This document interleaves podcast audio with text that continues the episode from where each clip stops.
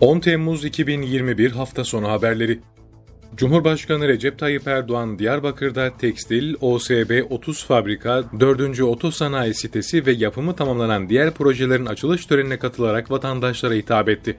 Cumhurbaşkanı Erdoğan, geçmişte uzunca bir dönem adı zulümle, işkenceyle, insanlık dışı muameleyle alınan Diyarbakır cezaevini yakında boşaltıyor, kültür merkezi olarak hizmete sunuyoruz dedi. Erdoğan ayrıca Diyarbakır'daki temasları kapsamında Sur ilçesindeki İç Kale'ye geçti ve Türkiye'nin farklı bölgelerinden gelen gençlerle bir araya geldi. Milli Savunma Bakanlığı Barış Pınarı bölgesine saldırı girişiminde bulunan 4 PKK'lı teröristin etkisiz hale getirildiğini bildirdi. Milli Savunma Bakanlığı'ndan yapılan açıklamada her nerede olursa olsun teröre ve teröriste geçiş yok. Kahraman komandolarımız Barış Pınarı bölgesine saldırı girişiminde bulunan 4 PKK-YPG'li teröristi etkisiz hale getirdi ifadelerine yer verdi. Dışişleri Bakanlığı Birleşmiş Milletler Güvenlik Konseyi'nin Hatay'daki Cilve Gözü sınır kapısının Birleşmiş Milletler yardımları için yetkilendirilmesi kararının 12 ay boyunca uzatılmasını memnuniyetle karşıladığını açıkladı. Bakanlıktan yapılan yazılı açıklamada söz konusu sınır kapımız üzerinden gönderilen Birleşmiş Milletler yardımları Suriye'deki insani krizi etkin mukabelenin devamı ve bölgesel istikrar ve güvenilirlik için elzemdir denildi. Ankara-İstanbul hattında ekspres yüksek hızlı tren seferleri başladı.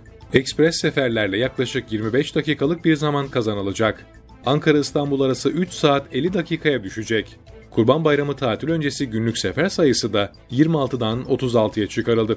Gidiş dönüş biletlerinin aynı anda alınabilmesi için tüm hızlı tren seferleri 31 Temmuz'a kadar olacak şekilde satışa açıldı. Ölçme, Seçme ve Yerleştirme Merkezi'nce 2 yıllık üniversite eğitimlerini 4 yıla tamamlamak isteyenler için dikey geçiş sınavı yarın yapılacak. Adaylar saat 10'dan sonra sınav binalarına alınmayacak. 120 soruyu cevaplamaları için adaylara 150 dakika süre tanınacak. Afganistan'ın başkenti Kabil'de bir bombalı saldırı düzenlendi. Kabil Emniyet Müdürlüğü Sözcüsü Ferdevs Faramars, basın mensuplarına yaptığı açıklamada saldırıda iki sivilin öldüğünü, dört sivilin yaralandığını kaydetti. Yaklaşık 3 aydır ülke genelinde düzenlenen bombalı saldırıların çoğunu üstlenen olmuyor.